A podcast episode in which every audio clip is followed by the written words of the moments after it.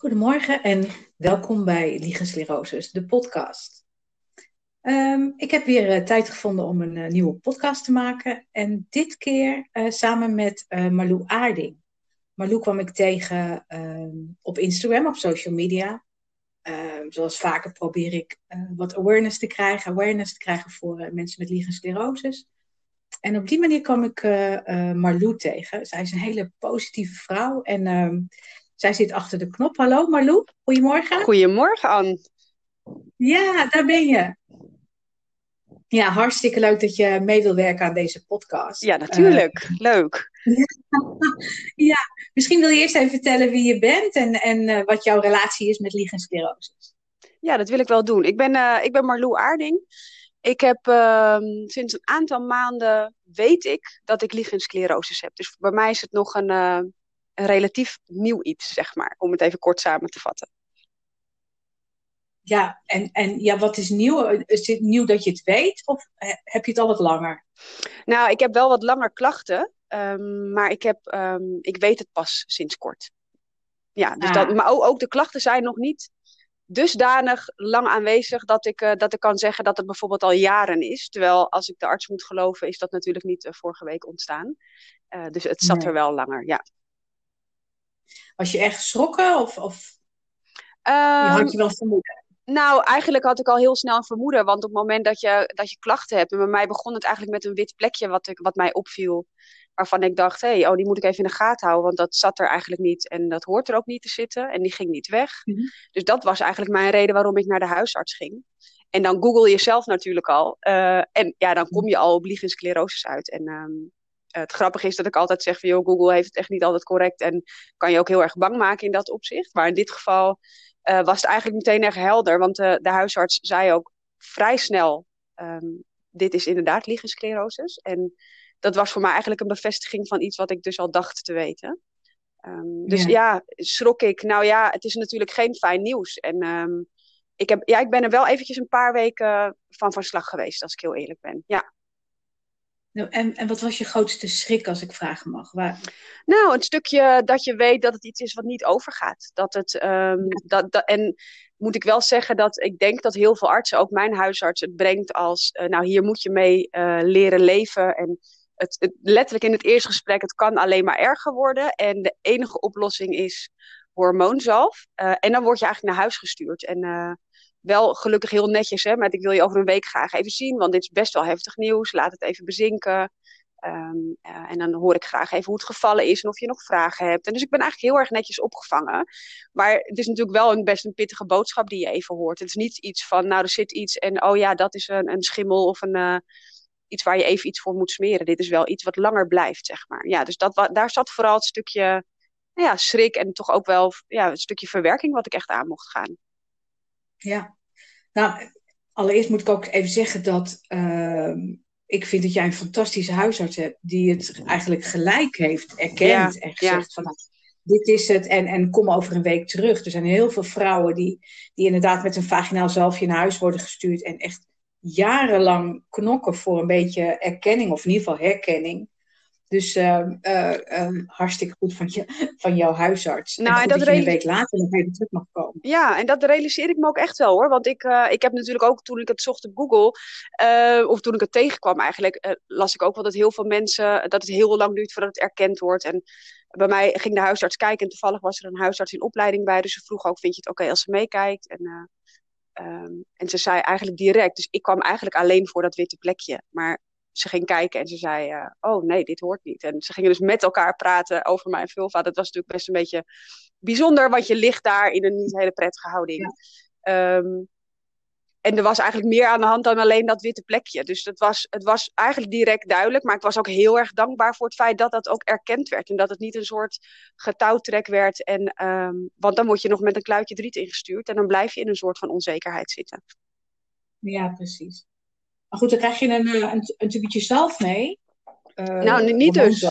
Ja ik, oh, ik, ja, ik ben daar een beetje eigenwijs in. een beetje koppig in. Okay. Want dat was het okay. eerste wat ze zei. Je kan alleen maar um, zelf smeren. En, uh, uh, en ik zei eigenlijk direct, dat wil ik niet. Um, en ondertussen oh. ben ik daar iets milder in gaan staan hoor. Maar dat was mijn eerste reactie. Uh, dat ik zei, ik, wil dit, ik, wil, ik heb even ruimte nodig om dit een plekje te geven. En um, nou ja, zoals jij weet heb ik zelf um, uh, ziekte van Lyme en fibromyalgie. En weet ja. ik ondertussen dat ik, ik ben zelf heel erg ziek geweest, dat ik heel veel zelf heb kunnen doen om weer meer in mijn kracht te komen en om zoveel op te knappen. Dus dat was ook mijn eerste gevoel, dat ik dacht, ik ga kijken wat ik met voeding kan doen en hoe ik mijn lijf eigenlijk kan ondersteunen in dit proces. Uh, en op dat moment voelde zalf voor mij niet passend. Ondertussen heb ik gewoon een tube thuis liggen en uh, heb ik hem nog steeds niet gebruikt trouwens. Maar weet ik dat als het erger wordt, of als, de, uh, als ik last heb van de plekjes of jeuk krijg of wat dan ook, dat ik het kan gebruiken. Uh, maar dat was wel waar ik mee op pad werd gestuurd eigenlijk. Van nou ja, je krijgt dan zelf mee. En ik mocht dan bij de huisarts onder behandeling blijven. Maar ik zei direct, um, ik wil eigenlijk verder kijken. Ik wil met iemand overleggen die wat holistischer kijkt. En ik wil zeker dat het in de gaten gehouden wordt. Ik heb ook echt door dat het een serieus iets is en dat daarnaar gekeken mag worden. Maar ik wil ook kijken naar alle andere aspecten die meespelen. Want wat betekent dit voor mij? Waarom komt dit nu naar voren? Wat mag ik daarmee, zeg maar? Dus toen ben ik doorverwezen inderdaad uh, uh, naar vrouwen en klinieken in, uh, in Lelystad. Ja. Oké, en, en wat mij opvalt in je verhaal is dat je zegt inderdaad van uh, ik wil op een andere manier kijken naar mijn ziek zijn. Ja. En dat, dat heeft natuurlijk ook mee te maken dat je al uh, uh, Lyme hebt en ja. fibromyalgie. Dus je, je kijkt al op een andere manier naar ja. het ziek zijn en hoe, hoe, hoe sta ik daarin en, en wat brengt het mij? Ja, en, en paste het liegen gewoon naadloos erin of had je een enorme omschakeling? Moest je op een andere manier kijken? Nee, ik hoefde niet op een andere manier te kijken. En uh, het paste er naadloos in. En dat klinkt natuurlijk een beetje gek, want het is helemaal geen leuk nieuws. Um, en het is ook niet iets waar ik nou per se blij van werd. Maar wel dat ik dacht, uh, de reis die ik al zelf heb mogen maken met Lyme en met fibromyalgie.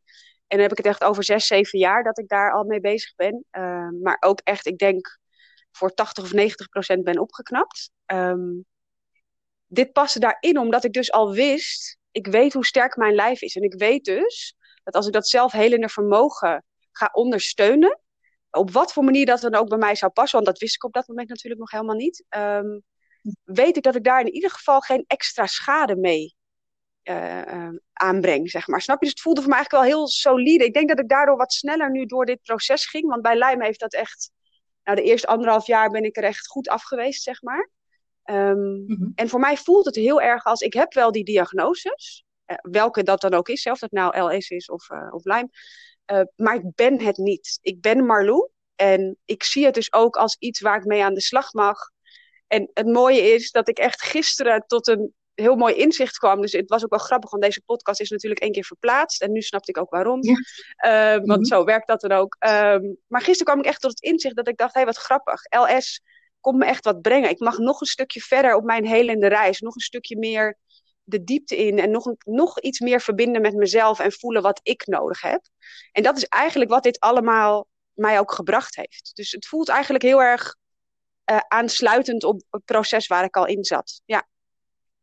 Nou, wat, wat ik uh, mooi vind aan jouw verhaal en, en wat ik ook hoor, is dat jij niet vecht tegen het ziek zijn. Het, het nee. De Lyme en, en je andere ziek zijn heeft je eigenlijk uh, geholpen in het, het, accepteren en het, het anders aankijken tegen de liegen. En dat vond ik ook zo inspirerend in jouw verhaal op, uh, uh, op social media. Dat ik dacht, ik moet Marloes spreken. Ik, ik, ik moet laten, aan de wereld laten horen, aan de vrouwen met liegen laten horen, hoe, hoe positief je in het leven kan staan als je ziek bent. En of dat inderdaad nou liegen is of uh, lichensclerosis of ligenplanus of, of, of wat dan ook. Uh, ja. reuma.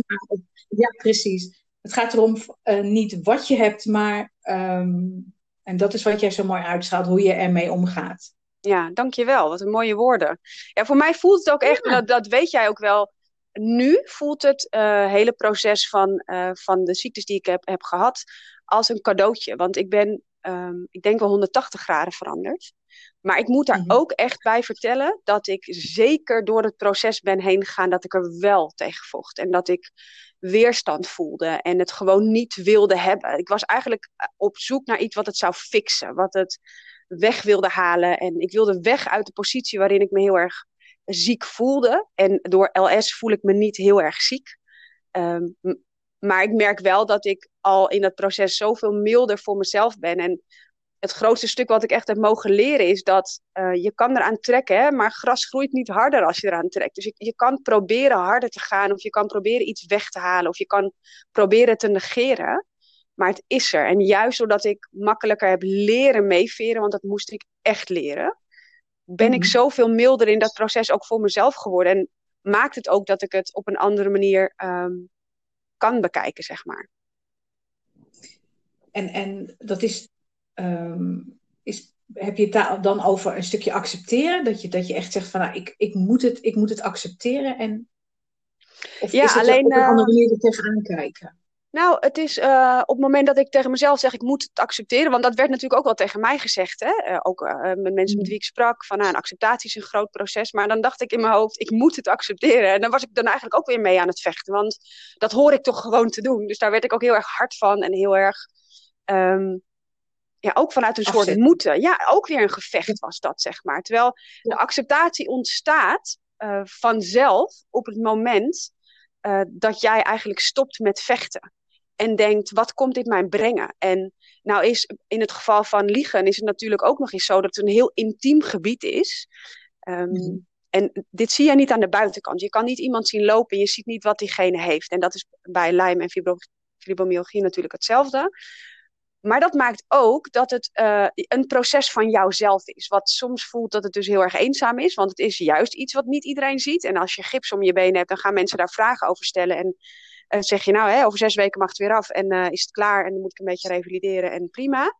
Maar dit is zo'n intiem stukje van jou, waardoor je ook dat proces zelf doorgaat. En ik, ik, ik, voor mij is het zo belangrijk geweest om in contact te komen met mensen die dit ook hebben. En die vooral de positieve verhalen, hè, want er zijn natuurlijk ook zat horrorverhalen. Um, maar om te erkennen dat, dat ik dus hier last van mag hebben. Want het is namelijk niet zo dat je niet verdrietig mag zijn of niet um, mag balen van de situatie. Of daar zelfs boosheid of frustratie bij mag voelen. Of heel veel angst, want dat herken ik ook heel erg. Um, maar juist het accepteren van die emoties en het erkennen, dus of door het hardop uit te spreken, uh, of door het op te schrijven voor jezelf, of door met mensen hierover te praten die een klein beetje weten wat het is, dat maakt zoveel verschil. En dat is ook de reden waarom ik uh, natuurlijk op mijn Instagram. Ik heb op de dag dat ik de diagnose kreeg, heb ik een filmpje opgenomen. En dat was voor mij heel kwetsbaar om te doen. Uh, ik, was ik, echt, ik had een enorme huilbui gehad. En uh, er kwam van alles aan emoties uit. Dus dat filmpje zie je ook dat ik wat rode ogen heb. En zelfs in dat filmpje ben ik nog wel wat geëmotioneerd. Maar ik dacht, ik wil dit juist dit delen. Want dit stukje hoort er ook bij. Dat je een nieuwsbericht krijgt wat heftig is. En dat dat van alles met jou doet. En wij denken altijd maar dat we ons goed moeten voelen en daar overheen moeten stappen en het maar moeten accepteren. Maar je gaat nu eenmaal door die, door die fases heen, zeg maar. Nou, het zijn inderdaad fases. Ehm, eh, ik zeg altijd, ja, je kan het vergelijken met een, een rouwproces. Het afscheid nemen van uh, uh, je, je oude ik. Ja. en dat heeft ook emotionele consequenties. Dus Zeker. Je gaat jezelf minder voelen, je gaat jezelf, je bent heel erg uit balans. Want wie ben ik nu als, als mijn intieme gedeeltes niet zijn zoals het hoort te zijn? Ben ik anders en wil ik wel anders? En, en, um, dus ik, ik kwam jouw filmpje tegen en, en uh, ik herkende de, de pijn en het verdriet. En, maar ik vond jouw schakeling naar het positieve zo, zo fijn. En daarom had ik zoiets van, nou, ik moet je laten weten dat er meer vrouwen zijn die, ja. uh, ondanks dat ze ziek zijn, ook gewoon nog kunnen werken en gewoon nog een leuk leven hebben. Uh, misschien met andere dingen zich moeten aanpassen, maar nog steeds gewoon ook blij in het leven kunnen zijn. Ja. Met ziek Mooi. Ja, en dat is ook hoe ik het zelf ervaar hoor. Want ik, ondanks dat ik dus best wel wat diagnoses heb, uh, en dan heb ik eigenlijk alleen nog maar de, de paar grootste hier genoemd, zeg maar, um, voel ik mij niet ziek. En dat blijf ik gek vinden om te zeggen. Uh, want het is natuurlijk nog steeds iets waar ik uh, af en toe wel last van heb of waar ik wat mee mag. Maar ik heb echt wel een manier gevonden voor mezelf om gewoon Marlou te zijn. En juist misschien nog wel iets sterker in mijn kracht te staan. Juist door de dingen die ik mee heb gemaakt. Um, ik, ik voel mij niet ziek. Het is een stukje van mij waar ik wat mee mag en wat af en toe opspeelt en uh, wat naar voren komt. Maar ik, ik geloof echt dat wat jouw verhaal ook is, dat je gewoon een leven kan leiden wat net zo waardig is als dat van ieder ander, zeg maar. En misschien, uh, en misschien voelt niet iedereen zo, nog wel iets waardiger. Want je, um, eigenlijk vraagt je lichaam van je op het moment dat je fysieke klachten krijgt, tenminste dat geloof ik heel erg sterk, om je nog meer te verbinden met je lijf. Want hoe vaak sta je in verbinding met je vulva, letterlijk. Hè? Hoe vaak mhm. is dat iets waar je wat mee doet? Het is iets wat, hè, wat je gebruikt, wat functioneel is. Maar hoe vaak bekijk je het echt? Of raak je het aan? Of het is zo'n intiem stukje, zelfs voor de meeste vrouwen op zich. En ik weet nog dat ik net uh, liegen had en dat ik gewoon de eerste paar weken dacht, ik ga niet kijken. Ik ga gewoon niet bekijken. Dan even mijn kop in het zand, ik kan het even niet zien. En ik, uh, ik vind het heel confronterend. Um, ja. en ik de, het, het is natuurlijk ook een, een seksueel stukje en ik ben getrouwd, dus het heeft ook natuurlijk invloed op uh, mijn relatie met mijn man. Ja, en wat deel je dan wel en niet? Uh, maar thuis ben ik ook een open boek, dus hij is gelukkig heel erg betrokken in het hele proces. Natuurlijk heeft dat heel veel invloed, maar het is ook iets wat me bijna dwingt om naar mezelf te kijken. Ik kan niet dit stukje van mij negeren, want het vraagt iets van mij en het vraagt me dus om vanuit mijn eigen kracht en verbinding um, verder te gaan, zeg maar. Snap je een beetje wat ik bedoel? Ja, ik snap heel goed. Maar, en, en dat is jouw voorsprong, doordat je dus al uh, zeg maar andere ziektes hebt. Ja. Uh, we zijn natuurlijk uh, voornamelijk ook vrouwen. Als ik praat even over alleen vrouwen, want het zijn niet alleen vrouwen, het zijn ook mannen en kinderen. Maar als ik even praat over ons. We zijn natuurlijk gewend om dingen weg te stoppen, dat gaf je al aan. Of er niet over te praten of niet zeuren stel je niet aan, pak jezelf op en ga door. En um, vestig vooral niet de aandacht op jezelf. Ja. En dan helpt zo'n intiem gebied helpt niet. Want, Zeker niet. Ehm, ik, ik weiger ook om uh, de labia, de schaamdippen te noemen, of het, de schaamstreek te noemen, omdat het niets met schamen te maken heeft. Ja, bijzonder hè, die woordkeus. Ja, bijzonder hè? Ja, ja, maar het, ja, het zit verstopt en dat gaf je al aan. Dus um, je kan het niet laten zien, dus hoef je er ook niet over te praten. Maar het moment dat je daar wel dus mee connect, dat je jezelf toestaat om uh, te voelen en te kijken en, en uh, je te beseffen dat daar ook nog, dat dat een gedeelte is van je lijf wat er mag zijn. Ja. En waar je trots op mag zijn. Ook al, is het, ook al is het ziek. En dan mag je voelen en dan mag je kijken en dan mag je huilen. Ja, precies. En, en daar mag je ook angstig bij zijn. Ja. Precies. En dat je het opengooit en zegt van nou, ik, ik wil daar wat mee. Ik wil het, ik wil, ik, bedoel, je hoeft het niet uh, aan de voorgever van je huis te hangen dat je die gesteroos hebt, maar dat je het, maar dat je het vooral niet meer verstopt en gewoon nee. laat zijn wat het is en, en na gaat ja. kijken. Dan wordt het onderdeel van je leven en dan, dan wordt de acceptatie veel makkelijker. Ja, en wat, ook wel, ja, wat voor mij ook wel een proces is geweest in dit stukje is uh, het zijn twee dingen. Eén ding wat ik heel erg mooi vond, is het moment dat ik me uitsprak op Instagram, wat natuurlijk super intiem is om over je vulva te praten op social media. Um, maar ik heb zoveel mooie reacties gehad van vrouwen die het herkennen, die daar zelf tegenaan lopen. Uh, maar ook gewoon vrouwen die daar helemaal niet tegenaan lopen, die ik daarna telefonisch sprak en die zeiden: Hoe is het eigenlijk met je? En hoe is het met je ja. vulva? En dan zei ik ook gewoon, ja, kut man. Weet je, en dan moest ja. dan een klein beetje om lachen. Omdat ik dacht, ja. benoem het maar. En ik vind het zo stoer. Dat als iemand ergens iets mankeert, en dat kan ook kanker zijn, hè, dat kan van alles zijn. Dat er gewoon aandacht voor mag zijn. Dus dat vond ik heel erg mooi. En het tweede stuk was, ik heb kinderen. En zij voelde al lang natuurlijk aan mij dat er iets was. En dat ik naar een dokter ging en dat ik wat vaker verdrietig was uh, toen ik LS kreeg.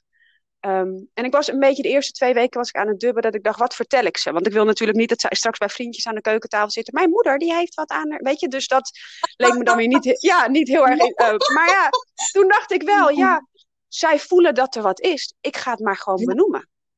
En ik had daar eventjes ruimte voor nodig. Dus ik heb daar ook even twee weken voor genomen. Om te bedenken, ja, wat ga ik daar wel en niet over vertellen. En um, uh, maar ik houd ook elke avond vet. Dus als wij in de badkamer staan en we gaan douchen, dan zien zij dat ook. Dus ik dacht, weet je wat, ik ga het ook gewoon benoemen. En het was eigenlijk veel makkelijker dan ik dacht. Want uh, ik had daar zelf nog een beetje een soort gêne gevoel bij naar mijn kinderen toe. Maar het mooie was dat ik ook vertelde gewoon wat het inhield. En zij stelde hele goede vraag van... Mama, wat is nou eigenlijk het ergste wat er kan gebeuren dan? Want zij wilde eigenlijk de bevestiging dat ik dus een soort van oké was. Ehm, mhm. En dat, dat, dat vertelde ik ook. Hè. Ik zeg, nou, als ik het niet behandel en ik doe er niks mee, nou, dat zou wel een beetje zorgelijk kunnen zijn. Ik zeg, maar ik ben er op tijd bij. Er zijn artsen bij die mij helpen, die met me meekijken. Ik smeer het in. Uh, maar ik kijk op heel veel vlakken naar hoe ik mijn lijf daarbij kan helpen. En het mooie is dat we daar dus ook open gesprekken over hebben. En dat zij dus ook weten dat ik dat heb. Maar dus ook de emoties die dus voelbaar soms kunnen zijn. En vooral in de eerste maanden was dat. Um, dat ze ook denken, oké, daar hoef ik dus niks mee. Dat is van mijn moeder, dat, dat er geen extra angst bij komt kijken voor hun. Snap je wat ik bedoel? Maar dat was wel een proces hoor, om dat, uh, om dat open te gooien, ja. Het fijne is dat je het dan kan delen. En als je even niet lekker in je vel zit, dat je je niet bezwaard hoeft te voelen om even te gaan liggen of even jezelf terug te trekken. Of, ja. Weet je, je, je, hebt het benoemd, ze weten het. En je hoeft het niet zwaarder te maken dan het is. Je hoeft niet iedere avond aan tafel je wilt laten gaan spreken. Nou, sorry hoor, maar dat is... nou, nee, op verjaardag lijkt me dat ook niet een, een, heel leuk feestelijke toestand. Maar het is precies wat het is. Benoem het. Maak het niet zwaarder dan dat het is. Ehm, maar het mag wel ruimte krijgen. En het mag dus wel... Het is namelijk iets wat jou bezighoudt. Net zoals dat als jouw eh, rechter kleine teen geamputeerd is... is dat ook iets wat je bespreekt met anderen. Is ook niet zichtbaar, maar ja, kan je misschien wel last van hebben... of het doet wel iets met je, of hè, wat dan ook. Maar het mag er wel zijn. Dus ik, ik, ik hoop ook echt dat als iemand dit luistert, dat, dat je de uitnodiging voelt om dat te delen op het moment dat je daar behoefte aan hebt. Of, of dat nou schrijven is voor jezelf of uh, met iemand uh, persoonlijk delen. Maar het kan zoveel uh, ruimte geven, letterlijk. Ja. Nou, en, en neem die ruimte voor jezelf ook. Weet je, stap naar voren en, en, en praat voor jezelf. Laat mhm. jezelf zien en neem voor jezelf ruimte in. En zeg van, ik voel me soms niet oké. Dat is prima. Ja. Weet je, de andere dagen dat je je wel goed, goed voelt, ja, dan doe je weer dubbelop mee. En, maar de momenten dat je je niet goed voelt, die mogen er ook zijn. Precies, ja.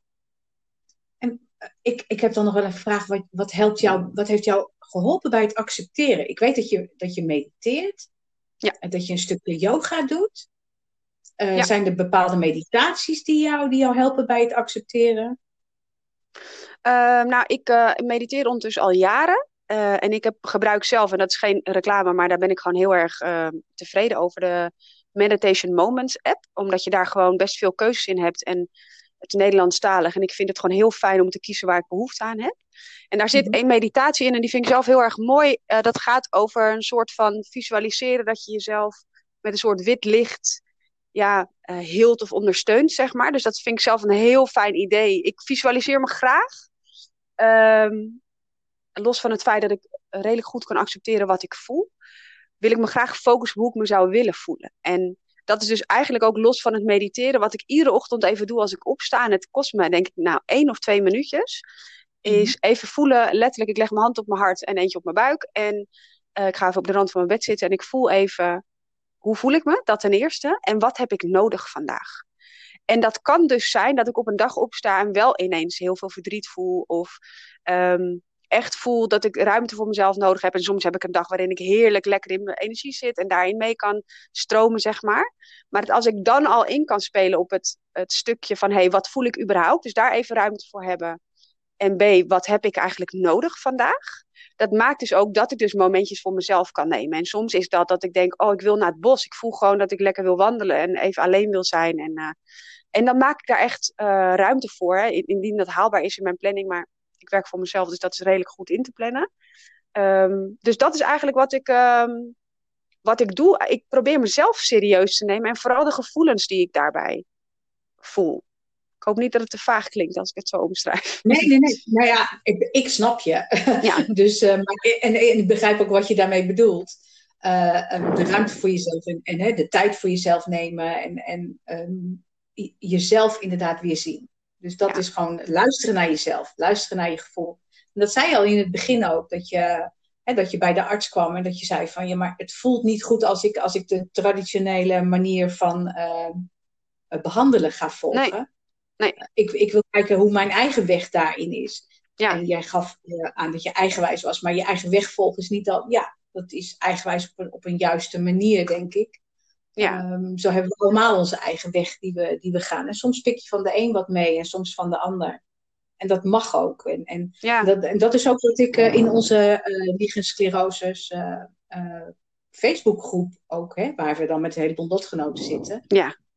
Alles is goed, alles is oké en alles mag. Dus of je nou wel hormoon smeert of niet, of Juist. weet je, het accepteren van elkaar is het aller, allerbelangrijkste. Luisteren naar elkaar en, en we mogen er allemaal zijn. We sluiten niemand uit. Nou, dat is wel wat ik heel, als heel mooi heb ervaren. Ik ben niet zo van, uh, van uh, Facebookgroepen, dus dat was wel grappig. Uh, ik had zelfs al Facebook van mijn telefoon afgehaald. Dat heb ik je volgens mij ook verteld. Uh, en ja. toen, um, ik denk dat jij dat was, aan de hand van het filmpje wat ik plaatste op Instagram. Dat je me zei yes. van, joh, weet je dat er een Facebookgroep is? En toen ben ik gaan kijken. En dat heeft voor mij versneld alles in werking gezet. En ook in het acceptatieproces. Dus het stukje op zoek gaan naar lotgenoten.